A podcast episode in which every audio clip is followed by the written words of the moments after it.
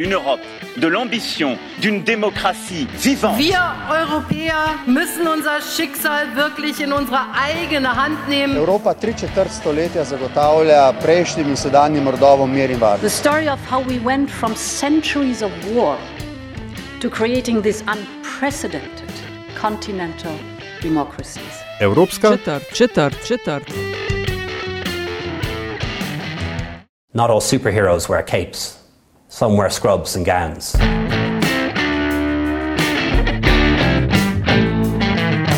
Spoštovane in cenjeni, dobrodošli v podkastu Evropska četrt, podkastu o vsem, kar vas bo zanimalo o Evropski uniji, pa niste vedeli, koga vprašati. Evropsko četrt vodi vam Nataša Briški in Aljaš Pengovitenc. Podcast domuje na spletni postaji metinalista.si, v vašem nabiralniku pa sveža epizoda takoj, ko je na voljo. Tema tokratne epizode je EU in pandemija novega koronavirusa. V času, ko to snemava, in to je petek 17. april, so po Evropi skupaj našteli že več kot milijon ljudi z okužbo COVID-19, več kot 92 tisoč jih je za posledicami te bolezni umrlo. Italija, Španija in Francija so po številnih kazalcih med najbolj prizadetimi EU državami. Po številu smrti na milijon prebivalcev, govorim za EU, je Slovenija nekje na polovici med vsemi. Kako novi koronavirus vpliva na odnose v Evropski uniji ter spreminja poglede v povezavi in na njo? O vsem tem se bomo poklicali z najnim današnjim gostom. Pokli, poklicala sva strokovnjaka za mednarodne odnose, profesorja dr. Zlatka Šabiča z Fakultete za družbene vede. Pogovarjali se bomo tudi o razklanosti in solidarnosti v Evropski uniji, vodenju predsednice Evropske komisije Ursula von der Leyen in hrvaškem predsedovanju svetu Evropske unije, od katerega, tako se zdi, v luči izrednih razmer ni ostalo kdo ve koliko. In uh, zdaj pozdravljam, profesor dr. Zlatko Šabič, pozdravljeni v Evropski četrti. Pozdravljeni, živijo. Uh, vprašanje za začetek. Uh, v luči teh uh, novih razmer je ena stvar, ki se zdi, da bode v oči, in to je razklanost znotraj Evropske unije v različne smeri, sever, jug, vzhod, zahod. Kako uh, vi to vidite? Um, okay, zdaj najprej bi eno stvar predlagal, če vam je v redu. Mi se, uh, mislim, da že kar dobro poznamo in bi bil že čas, da se tikamo, če vam je prav. Mm, meni je to super, maljaš. Glasujem za. Okay. Odlično. Se pravi, uh, ajde, razklanost znotraj EU. Um, ja, jaz uh, doskrat rečem, da že vsaj 15 let, čeprav sem velik uh, privrženec Evropske unije, verjamem v ta projekt. Uh, praktično odkar se ukvarjam z mednarodnimi odnosi, 15 let že opozarjam, da, oziroma govorim, sem frustriran, da uh, dejansko ta medvladni element v Evropski uniji. Uh, prevladuje, uh, se bolj ali manj skriva, če je to mogoče. Uh, zdaj, seveda, uh, že nekaj časa to ni mogoče.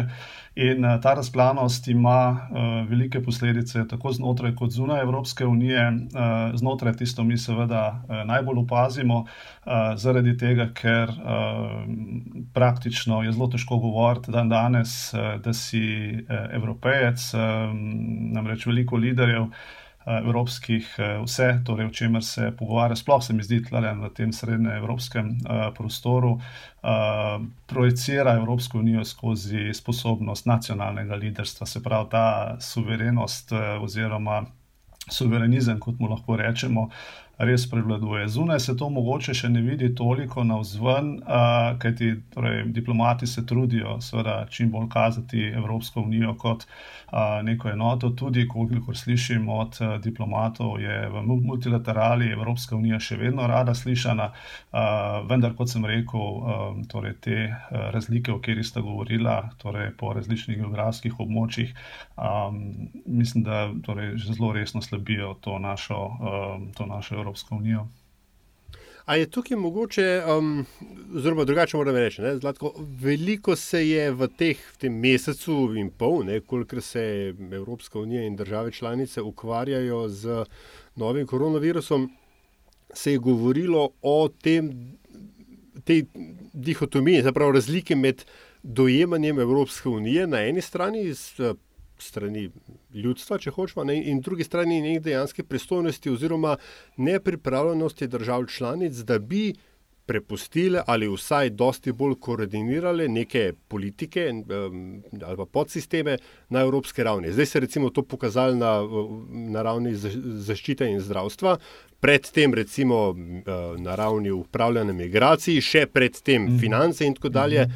A je to, je to zdaj um, vem, stena, v katero se je povezava zaletela, ali je to samo še eden od problemov, ki so jih v bistvu integracij, ki so jih skozi kaj, zdaj skoraj 50 let, ne, ki jih je pač reševala na načine, kot jih pač je. Uh, Jaz, torej, tukaj, je, tukaj sta se mi zdi dve stvari. Prva je uh, dolgoročno strateško geopolitično razmišljanje, in druga je potem uh, stvarnost, uh, ki se ne sklada z vizionarstvom, s pričakovanji um, torej, očetov Evropske unije, kot so si oni to zamislili. Geopolitično uh, v tem smislu, uh, mlajše sicer, torej po koncu hladne vojne, v tem smislu, da je seveda Evropska unija, zahodna takrat ogromno investirala uh, v, v vzhod, v srednjo Evropo. In tam je, bil, uh, tam je bila neka win-win situacija, torej uh, Vzhodnjaki so se hoteli, seveda, čim bolj uh, znebiti Rusije uh, in so seveda iskali vsakršno možnost zaščito, med drugim tudi, seveda, možnost gospodarskega sodelovanja. Po drugi strani je bilo seveda to zelo pomembno za Zahodnjake, ker so na ta način konsolidirali uh, evropsko, uh, torej evropski integracijski projekt in seveda računali na to, da bo potem v tem kontekstu Evropa, uh, Evropska unija, torej delovala kot akter. Slo bom rekel na račun tega, takrat se je tudi tako razmišljalo, tudi če bi prišlo do kakšnih hudih premikov recimo, da se vem, ZDA omakne iz Evrope. Je torej bil en tak čas, uh, kjer, uh, ne, čeprav v tistem času se to zdelo zelo, torej ne mogoče scenarij, ampak vendarle, da bi do tega, torej da je ta investicija uh, pač upravičena. Ne. Ne, seveda, tisto, kar je bil problem, je bilo ta vizionarstvo. Ne. Vizionarstvo pa uh, je torej, od Žan Moneja naprej, od Šumana naprej. Ena beseda, ki je že takrat uh, torej, bila vedno znova poudarjena, na kateri bo Evropska unija ustala ali padla in to je solidarnost. Spravi, že takrat je bilo jasno, da seveda krize bojo, seveda je bilo nemogoče pričakovati, da bodo države vedno, vedno, vedno pihale v isti rok. Enostavno je bilo jasno, da bo prišlo do razkolov. In če takrat Evropska unija ne bo solidarna, uh, bo seveda težava. In, in tukaj se seveda to, uh, to se seveda potem ravno na tele koroni uh, najbolj kaže. Ne? Seveda so bili, torej lahko seveda se pogovarjamo tudi o prejšnjih incidentih, če hočeš, o kateri so govorila. Ne? Ampak uh, mislim, da je. Uh, tukaj uh, najbolj uh, torej, se, se vidi, ne, da, je, da je do tega prišlo. Kaj hočem povedati? Uh, torej, predvsem se mi zdi, da uh, je tukaj, torej tisto, kar se bo to najbolj pokazalo, po mojem, oziroma jaz mislim, da to dvoje treba gledati skupaj, se pravi korono, pa pogajanja o proračunu Evropske unije.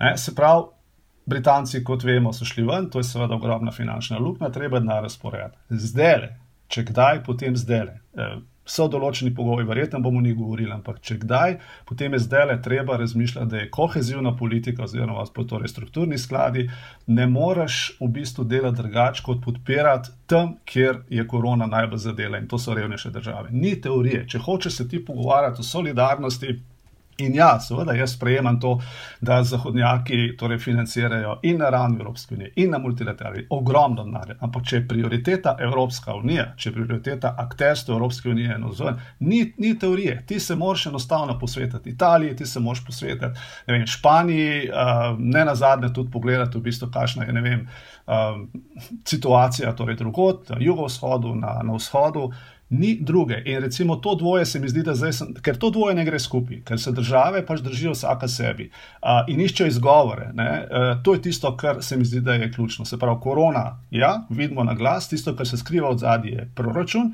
in znotraj proračuna premalo vizije v tem kontekstu, kot sem rekel. Zdaj je treba, če kdaj je treba, zdaj torej te revnejše dele Evropske unije dejansko pokriti.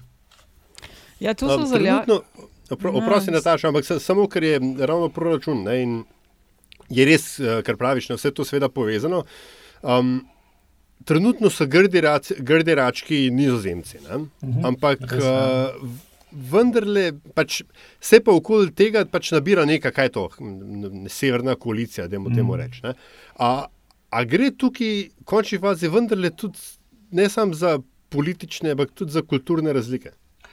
Veš kaj, jaz bi se bolj, uh, jaz bi se bolj v bistvu uh, naslonil na, uh, torej, tako bom rekel, politične uh, se mi zdi, da so bolj pomembne, ker te, in ti bom tudi razložil, zakaj. zakaj torej, najprej, zakaj da imajo te kulturne razlike v odzadju. Zato, ker predsotki so vedno bili. Torej, že ko je bila zahodna, uh, samo zahodna Evropska unija, se je točno vedel, ne vem, da so italijani takšni in takšni, pa se, se, ve, se veš, ne v bistvu vicov. Samo, torej, vici so vedno v bistvu indikator tega, kaj si mi eno drugemu mislimo. In, in to je dejstvo. Torej, že takrat, v bistvu, že takrat se je točno vedel, ne vem, najbolj vredni so, ne vem, točno to, ne vem, Benelux, pa Nemci, vsi ostali so že francozi, so malo problematični, kamoli tam italijani in tako naprej. To, to, to je bilo vedno, ne? to se pač manifestira v krizah. Politični del je pomemben. Politični del je pomemben zaradi tega, ker se uh, ne. Uh, dogaja to, ne, da se v bistvu začenjajo rušiti tudi uh, vrednote. Ne. Se pravi, uh, ne, mi imamo, torej, če gledaš v bistvu diskurs ne, v srednji in v vzhodni Evropi. Torej, uh, mene osebno, ja, torej jaz si nam popolnoma predstavljam, da je ta frustracija, vse to je bilo doskrat, recimo, to je doskrat in Timmermans recimo, izpostavljal. Ne. Uh, torej, uh, podpredsednik ne, uh, Evropske komisije. Se pravi, uh, mi, se, mi se pogovarjamo vem, o eni, eni mačarski, ne, ki je eklatantno v bistvu uh, krši uh, evropske vrednote, vrednote vem, svoboda medijev, človekove pravice, polska, vladavina prava. In seveda, ko ti to vidiš, ne, uh, se res vprašaš, ne, ne vem, ne, torej, o čem se bomo mi pogovarjali, ne, če se v bistvu ne moramo zmeniti niti okrog teh temeljnih stvari. Ne. Migranti, ne vem, uh, vemo, kakšen je torej, odnos odnos do migrantov je generalno, seveda, odbijajoč, ne? ampak torej, tam gre v ekstreme in to, je, to so vse v bistvu možnosti, ki omogočajo zahodnim državam, če hočeš, uh, v bistvu to, da sploh niti ne pridejo do kulturnih razlik. Sploh ne rabijo se o tem pogovarjati, ker če v bistvu mi pademo, če Evropska unija pade že na ravni temeljnih vrednot, ne? ki so, sem rekel, človekove pravice, ki so, ne vem, demokratične ureditve. Lej, niti, niti ne potrebuješ tega. In, uh, po drugi strani, ne, seveda, kar pa je potem še dodaten problem v tem kontekstu, je pa seveda, da potem te nas v Srednji Evropi pa to še potencirajo. Ne. In zdaj, ne, če me zdaj boste sigurno vprašali, ok, ne, kje si zdaj tole najdu, prej si pa govoril o proračunu, pa o solidarnosti, pa tako naprej. Ja, solidarnost, ki ima seveda, ne, torej, vsaj na ravni pogajanj, uh, zdaj ne, nimamo pač, uh, mislim, tudi to je, seveda, tudi tehnični vidik, ne, ampak uh, je stvar leadershipa, ne, torej, seveda, te stvari ti pogojuješ, ne, hkrati s tem, torej, se pogovarjaš, recimo, na ravni, na ravni, uh, na ravni uh, torej, uh, pravne ureditve, ne, poslednje sodišče, obsodati. Uh, ne vem, uh, izolirati. Spomnimo se, kako je bila Avstrija izolirana, ko je uh, Waldheim prišel na, oziroma ko je prišel Hajder v, v, uh, v, torej na, v vlado.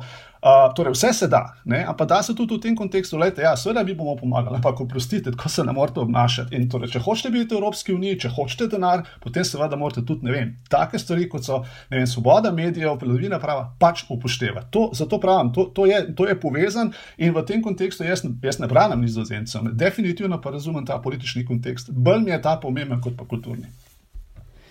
Prej sem želela sam dodati v luči tiste solidarnosti, ki si jo omenil, oziroma manjka le te. Zalažen sem pravzaprav večkrat imela temo v podcastih Italijo in kako je to se vrnilo kot bumerang, recimo na primeru beguncev, mhm. ko so dolga leta kričali, da se jim pomaga, pa ustrezne pomoči ni, ni bilo in konc koncev zdaj na, na uh, primeru novega koronavirusa. Ne? In to na drugi strani tudi, bom rekla, priliva olje na ogenj populizmu, ki je vse bolj učiten. E, tako da, če lahko o tem kaj rečeš, in pa te, to razmišljanje naše vlade, aktualne, da se pozicionira znotraj, ko govorimo o razklanosti znotraj mm. EU, neke više grajske skupine. Mm. Okay, to, to, zdaj, to si mi pa zdaj dala v bistvu tri teme. Jaz bom poskušal to spraviti v čim manj, čeprav mislim, ne, so vse tri tako frustrirajoče, sploh ta le veš, štiri v zadnjem času, da uh, ne vem, bi lahko imel šest podcastov samo na to temo. Ampak, le. Uh, torej, ne, zdaj najprej Italija. Ja, uh, torej, torej, tukaj je dejansko Evropska komisija padla na celi črti. Italija je opozorjena, ne samo Italija, jaz zdaj v tem trenutku nimam presebira, vse pa spomnim, vse pa spomnim. 2011, Amnesty International. Amnesty International je opozarjal, da je problem, da je, te, da je pritisk na, uh, na evropske meje čez Italijo ogromen. Italija je prosila denar, je prosila zaščito in seveda ni bil, ne? torej niste to čutili tako, tak tako, tako zelo problematično. Ne? ne bomo šli zdaj še v vem, detalje, kako je z kot rečeno, je preveč stvari, no, ampak ne vem, tudi v bistvu v končni fazi skupna zunanja politika Evropske unije do Libije, do Sirije in tako naprej. Ne. Torej, veliko teh stvari, torej veliko je bilo, ampak tudi če, tudi če to odmislimo, opozarjanje, se pravi, najmanj, najmanj štiri leta prednje do unga prišlo torej do, do tega izbruha migranske krize.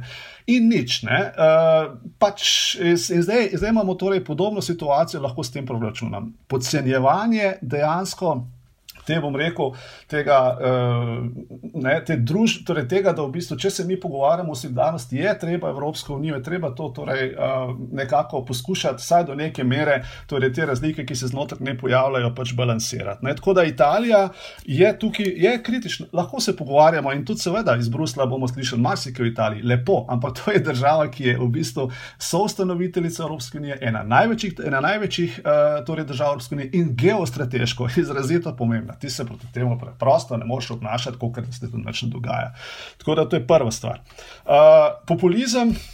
Je, torej, populizem moraš seveda zdaj, uh, torej, je, seveda, ne, zdaj pač uh, na nek način smo se zdaj uh, uh, ko je Salvini bil pač malo neutraliziran, ne, uh, smo v bistvu mogoče lahko bi rekli, mečkne zadihali. Pa zdaj, recimo, sedajni predsednik vlade je dejansko, ma, mislim, da ima kar precejšno uh, podporo, saj zdi se, saj zdi se tako. No. Ampak ja, ne, seveda, uh, ko, vidiš, ko vidiš nemoč, ko vidiš nesposobnost uh, na evropski ravni, torej ne samo komisija, tudi predvsem torej, in države članice in komisija, moram reči, uh, torej, seveda, ne, potem pač iščeš, iščeš krivca, ne, iščeš pač rešitve. In uh, te rešitve boš seveda najdel v Bruslu, vsi so krivi krivi za to in treba je nekaj narediti. In moramo usekati, in moramo usekati z, uh, torej z žezlom in uh, pokazati, da smo sposobni in tako naprej. Ne, sej, ne, uh, če pogledamo, ne, kako je recimo, to je zdaj tak, ne vem, rečemo temu, pomba po črto, uh, ki pač poskuša ta argument populizma nekako trditi. Ne? Kako je Orban prišel na oblast? Ne? Orban je prišel na oblast torej, uh, v tisti drugi rundi, 20 v času najhujše krize, ki je Mačarsko zadela. Zaradi tega, ker so pač bili hudo zadolženi, potrebovali so pomoč mednarodnega denarnega sklada in tako naprej. In seveda, kako potem ti, torej, ne, ti prideš v bistvu, ne, deloma je seveda, mislim, deloma zelo pomembno bilo tudi, kako se je prejšnja, uh, torej leva sredina obnašala, ampak v osnovi mi smo prišli, zrihtali bomo in to je to. Ne? Skratka, ni tam ni cajta potem za demokracijo, za razpravljanje in tako naprej. In to me seveda pripelje potem do V4. Uh, torej, uh, zdaj tako le, seveda, v, treba, torej, dve stvari tukaj treba povedati. To, da veš, štiri obstaja kot grupacija, seveda ni nič nenavadnega. Ne? Torej, imamo seveda že torej, nordijsko grupacijo, ki obstaja že od vem, 30 let prejšnjega stoletja, uh, imamo seveda Benelux, ki je, ima praktično svojo mednarodno organizacijo, ki je bil zelo integriran še prej, sploh prišel do Evropske unije. Tako tukaj ni neke velike. Uh, bom rekel, uh, dileme in tudi način, kako so se te torej, više gracije postavili, je imel takrat pač neko dost, dost jasno razlago. Uh, in, uh, Ampak slovencem tu... dolgo niso dišali. Ne? Tako je. Se prav spomnim. No, dve stvari sta. Uh, prva stvar je ta, da, torej, uh, so, uh, da je slovencem, torej, oziroma pač slovenskim vladam, to ni bila, sploh na začetku, ni bila njih najbolj uh, pametna uh, ideja, češ ne bomo se povezovali z uh, vzhodnjaki, ker mi seveda smo pač veliko bolj zahodni in uh, smo veliko bolj konkurenčni in seveda bi s tem pošiljali napačno sporočilo Evropske unije. Ne? Ker je seveda ne bilo pač. Uh, da ne komentiramo, razen če boste hotla. Uh, potem, uh, in potem, seveda, ne, uh, uh, zdaj, oziroma ne, potem se je pa seveda ena druga faza zgodila, ne, o kateri mi zelo malo govorimo. Polne sviše grajci niso hoteli. Se pravi, jaz se zelo dobro spomnim, ko smo mi delali knjigo uh, ki je šla 2012, uh, točno na temo Srednje Evrope. Uh, in jaz sem se takrat pogovarjal, ne, neformalno. Ne, in takrat je bilo meni rečeno, da se lahko, da so se, torej, mesto se vlade spremenili in tako naprej. Meni je bilo rečeno, mrtvo hladno, vi nikoli ne boste prišli zraven. Vi niste, vi niste Srednja Evropa, oziroma ste Srednja Evropa in seveda to mi tudi kupimo, ampak mi smo klub. Ne? Mi smo tisti, ki pač sodelujemo vsa ta leta. Torej, ne, format Višegrad plus, ne, seveda, ne, ampak To je to, Mi, vi ne boste pripuščeni zraven. Ne? Višegrad ima znotraj sebe probleme, zato ker se tam se Poljska čuti, da je vele sila. In v bistvu torej, to ni neka, bom rekel, zdaj super enotna grupacija. Ne? Torej, in tam je, torej, mi, če hočemo se pogovarjati v štiri, se moramo seveda potem pogovarjati resno, kako ta organizacija diha. In kot rečeno, mogoče tudi zgodovinsko videti, kako posamezne vlade pač so pristopale do Slovenije in obratno. Prav, niso zadeve tako enoznačne, tudi ve štiri ni, ne vem, zdaj, eh, ne vem, v tem kontekstu totalni nek monolit. Toda, ne, uh, dejstvo je tudi, strategija slovenske zunanje politike, če na hitro samo Sloveniji, je torej, zelo decidna. Torej, mi se vidimo uh, zraven Višegrada in to zelo jasno povemo. Torej, če greš gledati našo strategijo, Je res, torej, tukaj, tukaj ni nobene dileme. Kar je problem, seveda, pri tej, pri tej, uh, pri tej zadevi, je ta, da je treba gledati strategijo slovenske zunanje politike kot celoto. In če greš te gledati strategijo slovenske zunanje politike, potem seveda boš videl, da je zadeva, da je zadeva taka, da imaš ti v bistvu najprej, seveda, si mi predstavljamo na začetku, mislim, da je naslov spoštovanja vredna Slovenija, pa pa tisto, kar je ključno. Več kot 40 krat, več kot 40 krat je v tisti strategiji omenjene človekove pravice. Se pravi, mi se vidimo kot država, ki spoštuje človekove pravice, ki da neki na demokracijo, ki torej iz tega izhaja. Ne? In zdaj, veš, štiri, prav, dajmo se povzvati. Ampak, če pogledamo, veš, štiri v stanju, kakršnem je danes, se seveda ti s to organizacijo ne moš identificirati lahko sodeluješ na nekih projektih, tako kot eh, tudi mi grede, ne glede na to, kako so razklane, seveda evropske države sodelujejo na določenih multilateralnih projektih, nesporno, ampak to je to. Torej, mi v bistvu govorimo, da se bomo mi strateško približevali. Um, torej, Uh, višegrajski skupini, uh, seveda, potem je treba pogledati nekaj bolj natančno, torej, zakaj do tega prišlo. In seveda, tukaj je pač matematika zelo jasna. Ne, torej, uh, tisto, kar mi imamo, ne, da tudi tukaj ne, uh, bom rekel, ne grem, ne vem, zdaj spet v v, v, v, v detalje, ne? ampak seveda, mi imamo, torej, kar se nam zdaj dogaja, oziroma torej, saj gre v to smer. Je to, da v bistvu meddržavni odnosi torej niso več, oziroma se torej meddržavni odnosi zaradi preference v bistvu ene stranke, SDS, postanejo, postajajo mednarodni strankarski odnosi. Ne? In če so to mednarodni strankarski odnosi, potem seveda preference zunanje politike, kot so zapisane v strategiji, popolnoma padajo ven. Uh, in torej, nimajo nobene veze, se pravi, tisto, kar mi zdaj le vidimo, v bistvu ni slovenska zunanja politika, ker je popolnoma v neskladu z slovensko strategijo, če se zdaj pogovarjamo samo o Višegradu. In, in tisto, kar je, kar je v tem kontekstu še bolj pomembno, je seveda treba videti v zadje. Spravi, zakaj si mi pravzaprav to prizadevamo? Ne? Jaz bi rad videl odgovor na to vprašanje, se pravi, kaj je tisto, kar nas, kar nas, kar nas, torej tja, kar nas tja vleče. In potem, ko bi dobil odgovor na to vprašanje, bi postavil še eno vprašanje in sicer, koliko ima pri tem vloge dejstvo, da je Mačarska oziroma vladajoča stranka eksplicitno podpirala v živo, v. Um, Torej, uh, ne vem, če hočete tudi, uh, seveda, ne vem, bomo zdaj rekli, kdo bo pač tako ali pa drugače interpretiral. Ok, ustavimo se samo na tem. Koliko je, to, uh, koliko je torej ta dejavnik aktivne podpore v vseh možnih oblikah, mađarske vladajoče pozicije, naši, torej trenutno, uh, torej, uh, torej stranki, ki vodi zunanjo politiko, koliko je ta dejavnik bil tisti, ki v bistvu nas to v to usmerja, se pravi, koliko je v bistvu prišlo v tem kontekstu tudi do neke vrste svoje vrstne, ne, v političnem smislu, svoje vrstne dolžniške krize slovenske zunanje politike. No, vse to je, um, te pristopi seveda niso od včeraj, um, projicirane mehke moči, ne? financiranje um, te ali one politične, prijateljske politične sile v, v drugih državah. To v bistvu že nek, nekaj časa videvamo, um, recimo Rusi so kar na tapeti, ne? da financirajo skrajno desne stranke po Evropi. Uh, in tako dalje. Ho, hočem reči, ta princip ne, je, je, je kar znan. Ampak meni je mogoče nekaj drugega, zdaj, ki si vse to lepo šlo skozi, um, mi je padlo v oči. In da se vrnemo nazaj na vprašanje solidarnosti, ne, tako imenovane, in spet proračuna, ne, naredimo cel krog, tako imenovane korona obveznice. Zanimiva, se, zanimiva koalicija se je naredila, ki pa presega te delitve, o katerih je Nataša na začetku govorila: vzhod, zahod, sever, jug, stare, nove. Uh, in a je po tvoje vendarle to, kar gledamo, ne, ker nam se zdi, da ta koronavirus traja zdaj že odnegdaj, ne v resnici, kaj šest tednov se z njim ukvarjamo, za res.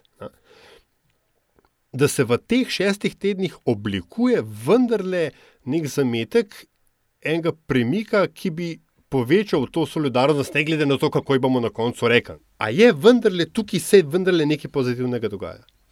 Um, Ja, zagotovo. Uh, in bom to komentiral. Torej, kar se tiče, sem ti moram vseeno odreagirati, veš, uh, torej mehka moč. Ne? Ja, seveda, ne? Zdaj, če bi bila tema mehka moč, uh, o kateri se v Sloveniji zelo veliko govori, uh, ne vem, kakšne so slovenske mehke moči, to je lahko posebna razprava, ampak, uh, lej, veš, kako je, ne? Seveda, ne? Uh, ko govorijo o uh, mehki moči, tudi v končni fazi Kitajska. Ne, je, no, recimo, ja, ja, to, ja. Ampak pazi, ne? hočem povedati, ne? da v bistvu ta seveda Kitajska, recimo, ne?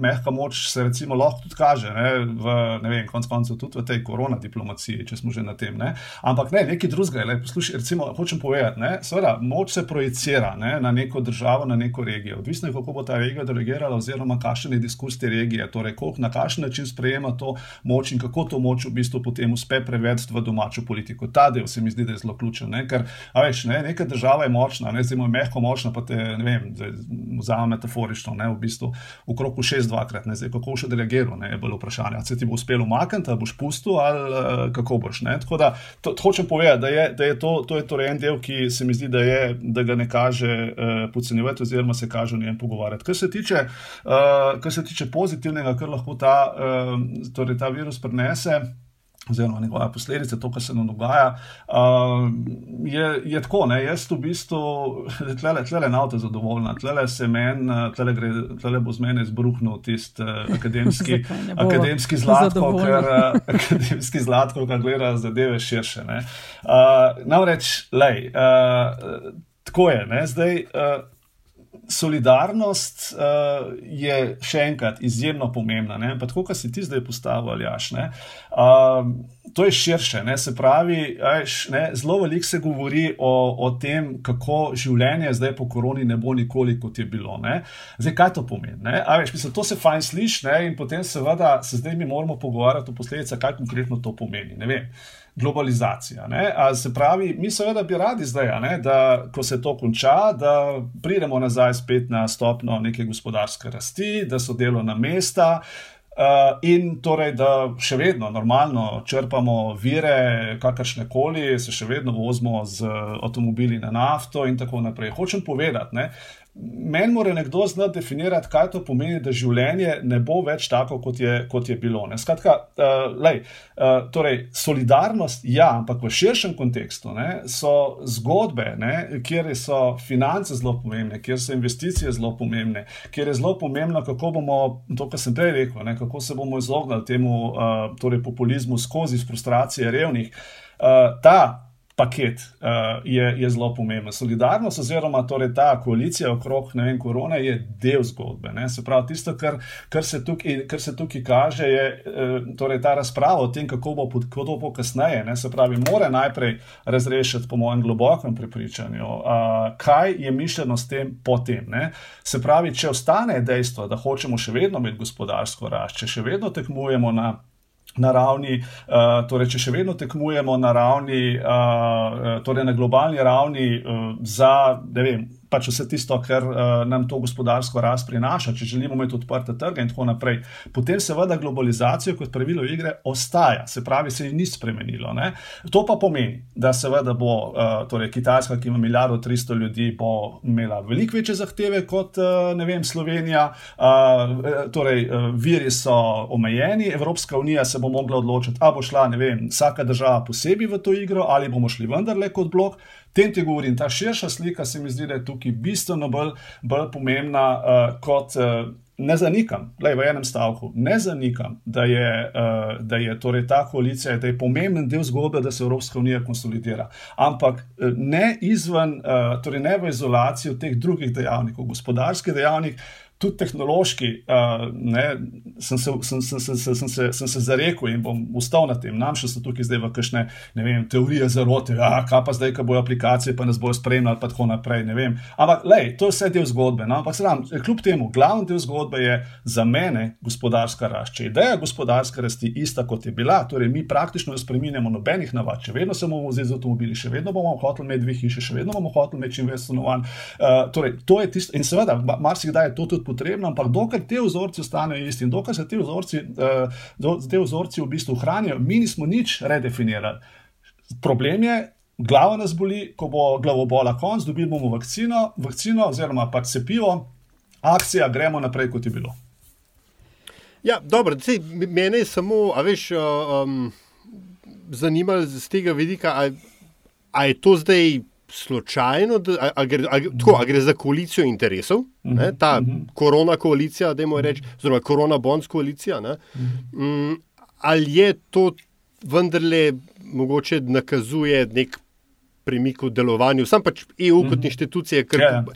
Potem ima svet, ker to ima seveda mm, tudi mm. Uh, implikacije za to, kako je EU vodena. Lej, uh, ena firma v Veliki Britaniji, ne bom povedal, kjer je, ker ne smem reklamirati, da vam je bilo vedno zelo všeč njihov slogan. Uh, v angleščini ga bom povedal, prevedel every little helps, vsako, vsak, vse nekaj, vsako malo pomaga. Ne? In uh, torej, za Evropsko unijo je torej vsako povezovanje uh, torej, interesno, ki gre v luč tega, da se mi zavedamo, da, moramo, pač, da, mor, da se evropski lideri zavedajo, da morajo delovati kot celota, uh, je lahko samo pozitivno in prav, da so o njem tudi govorili. Tudi če se pogovarjajo z vidika medijev, sera, ne? mi zelo velik, se vidite, zelo velike negativnosti, štejemo te mrtve, bolne in tako naprej, že grozno grozen, ampak seveda to tudi ustvarja rekel, negativno razpoloženje ljudmi. Dobre zgodbe, v redu zgodbe, uh, torej, bom rekel, procesi, ki peljajo v neke. Uh, v neke Ne glede na to, da se zdaj, torej, v kakšnih interesih se pogovarjamo, sama ideja, da se, posve, da, se pač, eh, da se pač povezuje,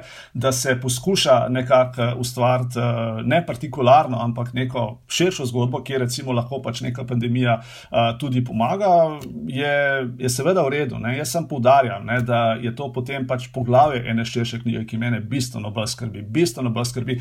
Lej, lej, Aljaš, veš, to, so, to so stvari, ki mogoče samo mene, lej, veš, kako, nam je mogoče, ne vem, eh, rečemo za razvitemu delu sveta, je seveda to lažje reči. Ne, ne vem, ampak ne vem, Benetke, lepo morje, v delju vidijo gore. Uh, a veš, mislim, ne, narava lahko brez nas preživi, easy. Ja, ne, ne, gled, je, je, je, je. Jaz se, jaz se popolnoma ja. strinjam, da je uh, ta, ta um, razkorak ne, med um, verbalnim, nikoli več ne bo tako, kot je bilo, ne, bilo in instinktom, da dajmo je čim prej na tako, kot je bilo, ne, da to je dilema, ki jo bomo morali pač na, na več ravneh rešiti.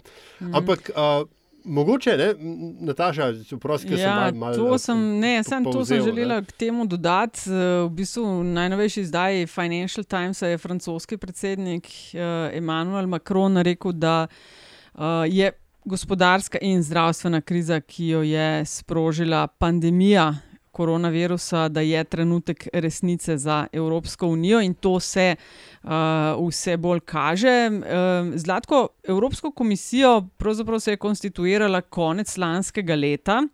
Uh, prijela za volan in se čez mesec, dober mesec, že znašla na to bogano in to na tistem uh, prostem padu. Kako se ti zdi, da gre za enkrat predsednici uh, von der Leyenovi? A ima avtoriteto, se jo posluša, zdaj vem, da dva meseca sta tri, čist premalo, da se to postavi, ampak vseeno. Uh, torej, na čisto osebni ravni lej, ne zavidam. Ne. Uh, v bistvu uh, prideti, uh, ona ni neki, uh, torej, siguren, ne, pač gospa je. Pozna evropske inštitucije, tako, ampak ni pa tako naprej, ni pa tam zrasla, ne, torej ona je prišla v Bruselj. Uh, in uh, seveda, ne, ima, torej gotovo, ima siguren, imela veliki idej. Ne vem, uh, kaj rekla, geopolitična sestava komisije in uh, podobni, recimo, temu soundbite. Uh, ampak tako je, ne? torej, sigurno je na kratek rok, zdaj le res težko oceniti. Je pa nekaj, ne? torej, tisto, kar.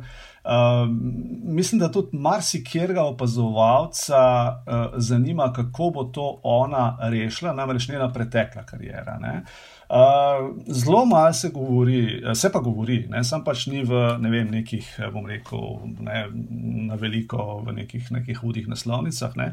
Njena zgodba kot ministrica za obrambo.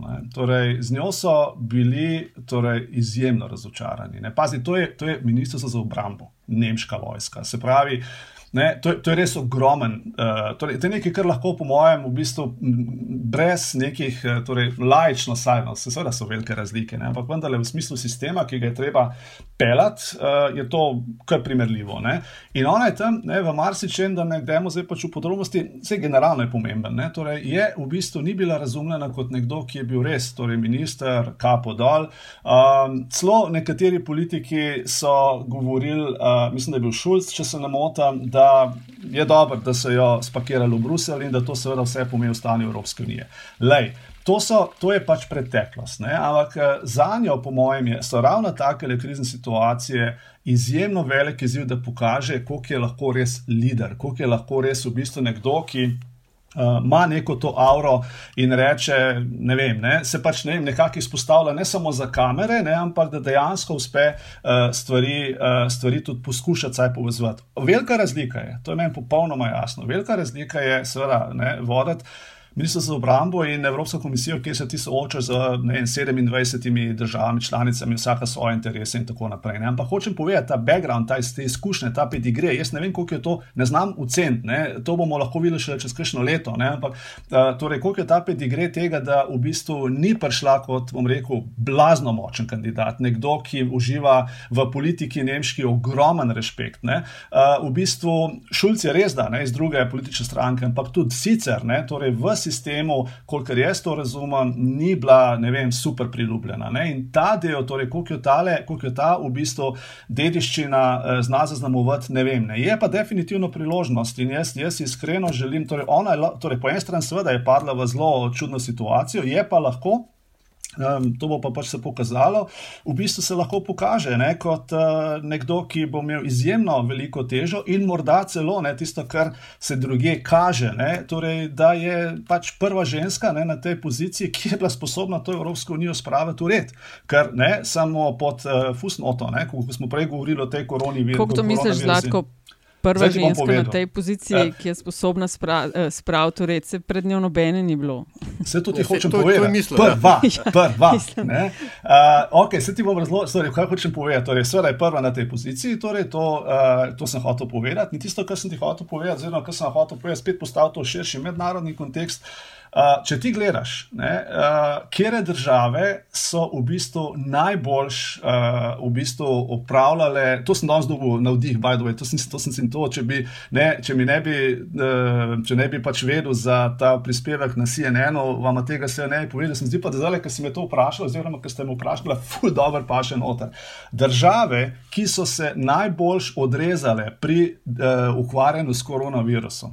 Kdo te države ja. vodi? Ženske ženske. Mislim, ne moreš verjeti, v bistvu večinoma so, to, večinoma so to ženske, ki kažejo pač, ne vem, vse malo več občutka za ljudi, um, znajo nekako, uh, se zgleda, niso, niso tisto, veš, nisem, ne vem, bom rekel, mačistične, vojaške, uh, ne vem, ustvarjati paranojo, izredno stanje, kar poznamo tudi pri nas. Ne uh, govorijo skratka, o suspendiranju organizacij, vse, kot je VHO sredi. Recimo, suspendiranje organizacij, potem recimo, ne vem, noč ne smeš reči, ker si že malo da ne izdajalec naroda. Torej, tam to ni, no, ne, to so, ne vem, ne, uh, torej, v Evropi, uh, ne vem, Islandija, potem Nova Zelandija, recimo Tajvan, Danska, uh, Danska recimo, eto, no, Nemčija, recimo, ne, Nemčija, v bistvu isto, ne, kao, tisto vse ostalo so pač ne vem, neke mehne države. Ne. Nemčija je velika država, ne. Nemčija v bistvu zadevo, ne glede na to, kakšno število v bistvu okuženih, ne, je v bistvu zelo dobro pelala. Tako da hočem povedati, to je recimo ena stvar, ki se je res zdela, ko, ko sem bil na to upozorjen,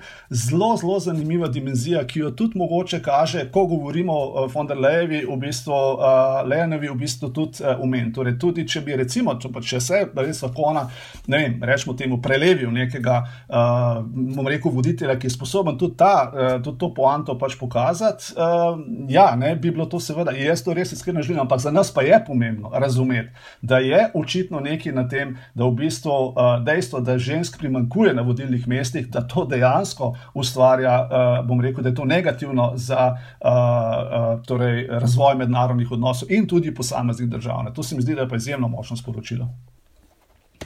Um, Greva ja še pri... na Hrvaško? Ja, se jih hoče reči, če smo že pri vodenju uh, Evropske unije. Ne, eden od uh, elementov tega je tudi to uh, opevano, rotirajoče predsedovanje, ne, ki je, ne, gospod doktor, me boš popravil, ampak uh, gospod profesor, doktor, ne, ampak meni men se zdi, da odkar imamo um, predsednika sveta Evropske unije, da je pač to vodenje držav bolj ali manj glorificiran tajniški posel. Uh, Hrvaška bo 1. julija ne, zaključila z predsedovanjem. Uh, tudi oni so imeli kar nekaj smole, ne, tako kot uh, Ursula von der Leyen na, na druge načine. Po eni strani se jim zgodi uh, koronavirus, pandemija, potem še, potem še potres, potres. v Zagrebu. Mm. E, skratka, in se morajo ukvarjati kar naenkrat z en, enim kupom drugih zadev, kot razen s tistimi, ki so mislili, da se bojo. Ali lahko sploh to predsedovanje ocenimo kakorkoli? Uh, dve stvari. Torej, prva je točno to, kar si rekel. Ne, se pravi, res nisem imel sreče, to, to jim je treba povedati. Torej, ni Hrvaška, ni uh, država, ki bi imela, uh, ne vem, bom rekel, neomejene človeške vire. Uh, dejansko tudi uh, moraš v taki situaciji, ne samo torej, pandemija, ampak tudi ta potres, seveda, ne, takrat se moš se res kazati, predvsem kot uh, voditelj ne, znotraj, znotraj svoje države. In uh, to je sigurno ni šlo uprit. Ampak dejstvo dejstvo je, ne, uh, da, oziroma drugače bom rekel, ne, um, kar jaz ne vem. Uh, zgleda pa, da vejo opozovalci v, na Hrvaškem, ki zelo ostro, nekateri med njimi kritizirajo Hrvaško ne vodenje Evropske unije. Namreč uh, za takšen projekt, kot je vodenje, predsedovanje Evropske unije, se moš ti pripravljati ne 15 dni prej, ne 15 mesecev prej, ampak v bistvu 2-3 leta prej. Se pravi, ti moraš v bistvu imeti vse, celoten, celoten v bistvu upravni aparat zapeljan na način, da veš, ko se takrat, ko se zadeva začne 1. januarja, 1. julija, karkoli. Moš ti biti pripravljen na tak način, da ti lahko v bistvu mirno prevzameš predsedovanje uh, pol leta prej, eno leto prej. Skratka, hočem povedati, ne, da je torej, eh, da tukaj je tisto, kar je za mene neodgovorjeno, je predvsem to, ali je Hrvaška. Je pa to pomembno, seveda, za Slovenijo. Ali je Hrvaška, kakšne je Hrvaška, je Hrvaška imela priprave na, uh, torej na, to, uh, na to predsedovanje? Ker priprave pomeni znanje. Ne, se pravi, potem ti prevzema, prevzemaš neke stvari, uh, neke resorje z avtoriteto, uh, ker pač stvari poznaš, ker si se na njih pripravil in potem te seveda poslušajo. Jaz vedno znova povem, zelo na kratko bom rekel, izkušnjo ene, uh, celo ne vem, moje nekdanje študentke, ne, ki je pač bila v teh nekih, uh, nekih uh, zgodbah, ko smo mi takrat predsedovali in seveda, ne, njo je, uh, torej ona je takrat v tistem času, ko smo mi predsedovali, v bistvu imela izjemen ugled za te, ker je stvar preprosto naštudirala in to je cela zgodba. In jaz recimo mislim, da tukaj se mi zdi, da vendarle pogrešam. Definitivno, torej, če bi danes šel na cesto in vprašal, kdo vodi, uh, kdo, vodi uh, vem, uh, kdo predseduje Evropski uniji, ok, veliki tako, tako ne bi vedel, ker jih ne zanima, ampak tudi tisti, ki vejo, bi malo mogli pogledati, čakaj, se, se res ne vemo, se ga sploh ni videti. Ne? In ta del si vira, sigurno ne gre v prid Hrvaški. In pojasniti, uh, po mojem mnenju, torej jaz, če bi tipal, bi, bi tipal predvsem na priprave. In za Slovenijo, ne, ki, bo, ki bo predsedovala, je to, po mojem, zelo pomembna učna ura. Ne. Se pravi, ali smo mi pripravljeni, koliko smo mi delali s pripravami, koliko je zdaj bilo vključeni za tole vlado, ne, ki tako kot marsikera druga vlada, nastala svoje stvari, ne zaupa nobenemu drugemu. Uh, ne, je zelo pomemben vedeti, kje v bistvu lahko računajo na kontinuiteto in kje ne morejo, oziroma kje si lahko prvoščijo diskontinuiteto. Uh, ne vem, koliko je to dobra stvar, ta, stvar ta, da vendarle je to bolj koalicijska, torej več interesov treba poštevati, ampak če bi jaz razmišljal, ne, bi rekel, da je predsedovanje vendarle projekt, ki potrebuje kontinuiteto in ti ne moreš. Uh, ne vem, kaj se dogaja v drobovju, kot pravim, ampak seveda ti moraš zelo paziti, ne glede na to, če je nekdo član tvoje stranke ali ni, le, če vlada zadevo, ga ne moš kar spraviti, z, uh, ga ne moš kar v bistvu dati pač eh, na, na, na, na stran, zaradi tega, ker pač ti ne paše, ne? zaradi tega, ker ni naš. Ne? In to je, to je spet, recimo, tukaj se bo to zelo hitro pokazalo. Ne? Ali mi kot država smo tako zreli, da uh, govorimo o tem, torej, da smo vendarle vsi, torej ekipa, ne, uh, ne pa v bistvu, da v ekipi so samo tisti, ki so mi všeč, tisti, ki pač mi uh, povejo stvari tako, kot jih jaz slišim, vsi ostali pa niso moji, ne? ali pa vendarle razumemo, da hm, mogoče pa mi v bistvu vodimo državo, ne? da ne vodimo samo sebe, da ne vodimo samo neke stranke, pa vodimo državo kot celoto. No in v tem kontekstu ne, uh, moram reči, le moram reči, verjetno jih bom poslušal zaradi tega, ampak uh, lej. Um, Ne, vodenje, leadership. Ne. Uh, predsednik vlade in njegov tweet glede Svetovne trgovinske organizacije, o kateri smo uh, tudi govorili, uh, glede generalnega direktorja. Odstopite zdaj. Uh, Oprosti, misliš glede Svetovne zdravstvene organizacije? Zdrav, pardon, zdravstvene organizacije, ja, ja, ja. se pravi, čujem, hvala. Ja. Uh, skratka, uh, lej, ne, uh, predsednik vlade. Ne? Človek, ki ima izjemno zgodovinsko težo, človek, ki pač ne vem, bi moral ali pa ne vem, ne, nek zgled, ne? človek, ki zastopa tudi zunanjo politiko. Ali ne moreš ta zgodovina napisati. No, to lahko napiše ne vem, nek nevladnik, to lahko napiše nek nestrpnež. Uh, ne vem, to lahko napišeš, ne vem, ti, jaz lahko to napišem, ne more pa to napisati predsednik. Države, ki bo vem, predsedovala Evropski uniji, ne gre, ne gre. Če, če te smem mogoče dopolniti ali pa podrezati, eh, predsednik vlade, ki je nekoč že vodil svet Evropske no, unije v končni ja. fazi. A je, a, je možno, a je možno, da je v bistvu ta eh, vidik predsedovanja uh, svetu Evropske unije v slovenski notranji politiki ta hip popolnoma zamrl?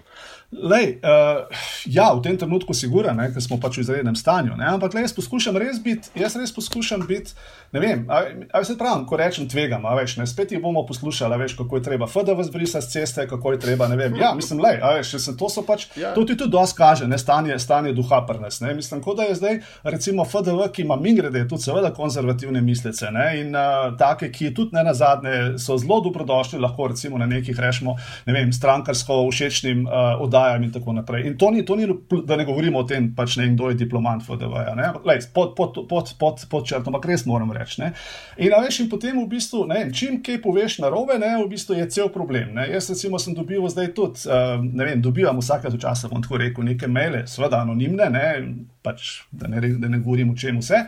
Ampak v resnici, tisto, kar hočem povedati, kar ljudje ne vidijo, pa kar recimo ni, ni, ni v bistvu to sporočilo, da je jasno. Tudi v mojem primeru, jaz tej državi hočem dobro. In jaz recimo, ko rečem, ne, recimo zdaj konkretno v tem primeru, predsednik vlade s tem letvitom. Ne? Jaz ga ne kritiziram v smislu, da lahko imam svoje mnenje, jaz ga bom tudi napadal. Zakaj na tej poziciji, zakaj z vidika voditelja države, kaj ti je to potrebno? Mislim, a ne moš brez tega živeti. Razumeš? Hočem povedati, da je vendarle, ne, če, ti, če ti vodiš neko državo, ti si odgovoren ne samo v bistvu tvojim preferencam, preferencam države kot celote, to ni skladno niti s strategijo zunanje politike, nima veze z ugledom države. Mislim, ne moreš se na tak način obnašati, to je doskrat problem. Mogoče, veš, mogoče to, to je tudi nekaj, kar doskrat povem, leadership. Ne? Mogoče je pač dejansko Trump, ker s svojim pač prostaškim obnašanjem, ki, ki nima nobene zveze z zunanje politiko, enostavno služi kot, uh, enostavno služi kot vem, model, kot vzor uh, marsikateremu, vem, populističnemu voditelju okolju. Jaz iskreno upam, čeprav se pravim, torej, ne, alternativa mi ne deluje, glih je preveč prepričljivo, ampak vendarle, torej, ta prostaškost, ki je zdaj na globalni ravni eh, tako močna, eh, enostavno, eh, torej, da to reflektiramo tudi v malih državah in smo sposobni iti v ta isti diskurs. Še enkrat, res, zakaj nam je tega treba? Zlatko, besedo mogoče lahko mogoče izpustimo. ali Trump predstavlja. Uh, Ampak, ja, ja, ne, ne, ne, jaz, čeprav... jaz, jaz, jaz, jaz se že lahko strinjam, ko, ko gledam Bidna, jaz upam. No? Mislim, lej, eno stvar se strinjamo, eno stvar se strinjamo. Vse je v tem trenutku boljš, kot je pa, kot je pa ta, ker on dejansko, torej, uh, ko, mis, ko se mi pogovarjamo ne, o uh, res dejansko o svetovni ureditvi, torej, tako kot sem že podaril pred parimi dnevi, ne, svetovno ureditev, kot jo mi poznamo danes in s katero smo relativno zadovoljni, jo imamo zaradi ZDA.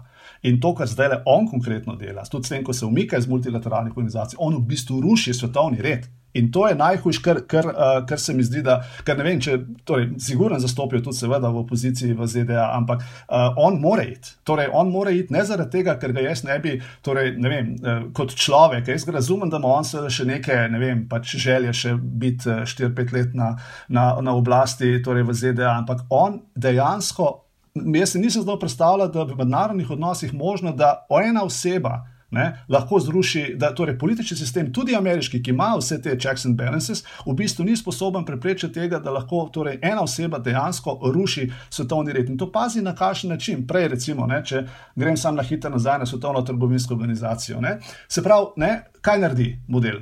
Ne, se pravi, on v bistvu se odloči, da bo zadržal ne, plačevanje uh, torej denarja, ja, svetovne zdravstvene organizacije. Ja, spet sem se zmotil, sorry. Svetovno, svetovno zdravstveno organizacijo. Ne, Torej se odloči, da bo, da bo čeprav ima tudi uh, trgovinsko probleme, ampak pustimo to. Se pravi, Svetovno zdravstveno organizacijo, ne, uh, torej, da bo pač umaknil, da bo pač umaknil neka, neka sredstva. Pazi, on se umika iz, uh, torej nevladni, iz, iz, iz multilateralizma. Kaj misliš, da ta prostor zaseda? Kitajci.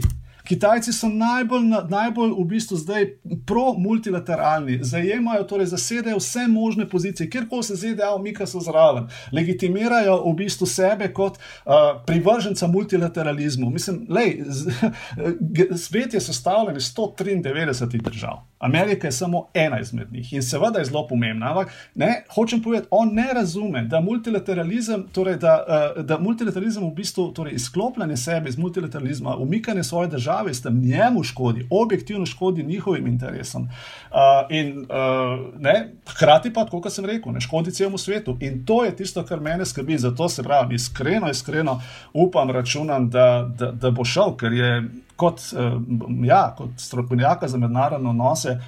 Še ena štir, še štiri leta njegova, ki se potem, ker je pač vzor očitno populistom, seveda bodo pokazala potem tudi pri voditeljih marsikatere države, je to seveda, torej, to ni oddaljena zadeva, to nas bo zadelo dobesedno v naših, v naših soseščinah. No. Zlatko, hvala za tole. Je pa dobra istočnica bila na koncu tudi za samo Hrvaško, o kateri pa načrtuje, načrtujeva zalažen, da bova v naslednji epizodi še mal bolj in globje pogledala in v njihovo predsedovanje, stanje v državi uh, in konec koncev tudi turizem, ki je tako rekoč in sezona. Ki je pred vrati. Ja, oziroma, profi... pomankanje lete. Ne, Točno kaže. to, ja. Tako da, profesor dr. Zlatko Šabič, najlepša hvala za gostovanje v Evropski četrti. Hvala za povabilo. To je bila Evropska četrt, 47. podcast v Vesolju. Hvala za vašo pozornost, predlogi, mnenja in vse ostalo so seveda zelo dobrodošli, pa tudi pohvale in kritike, ki jih delite z nami. In seveda res hvala tudi za vse investicije, ki jih namenjate razvoju in produkciji naših vsebin. Avtor glasbene podlage je Peli iz Hišem Band. Če vam je vsebina všeč, bo pomagalo, da nas najde še kdo, če naj ocenite pri vašem izbranem podkastu, ponudniku. Uh, lepa hvala in hvala tudi tokrat za vašo družbo.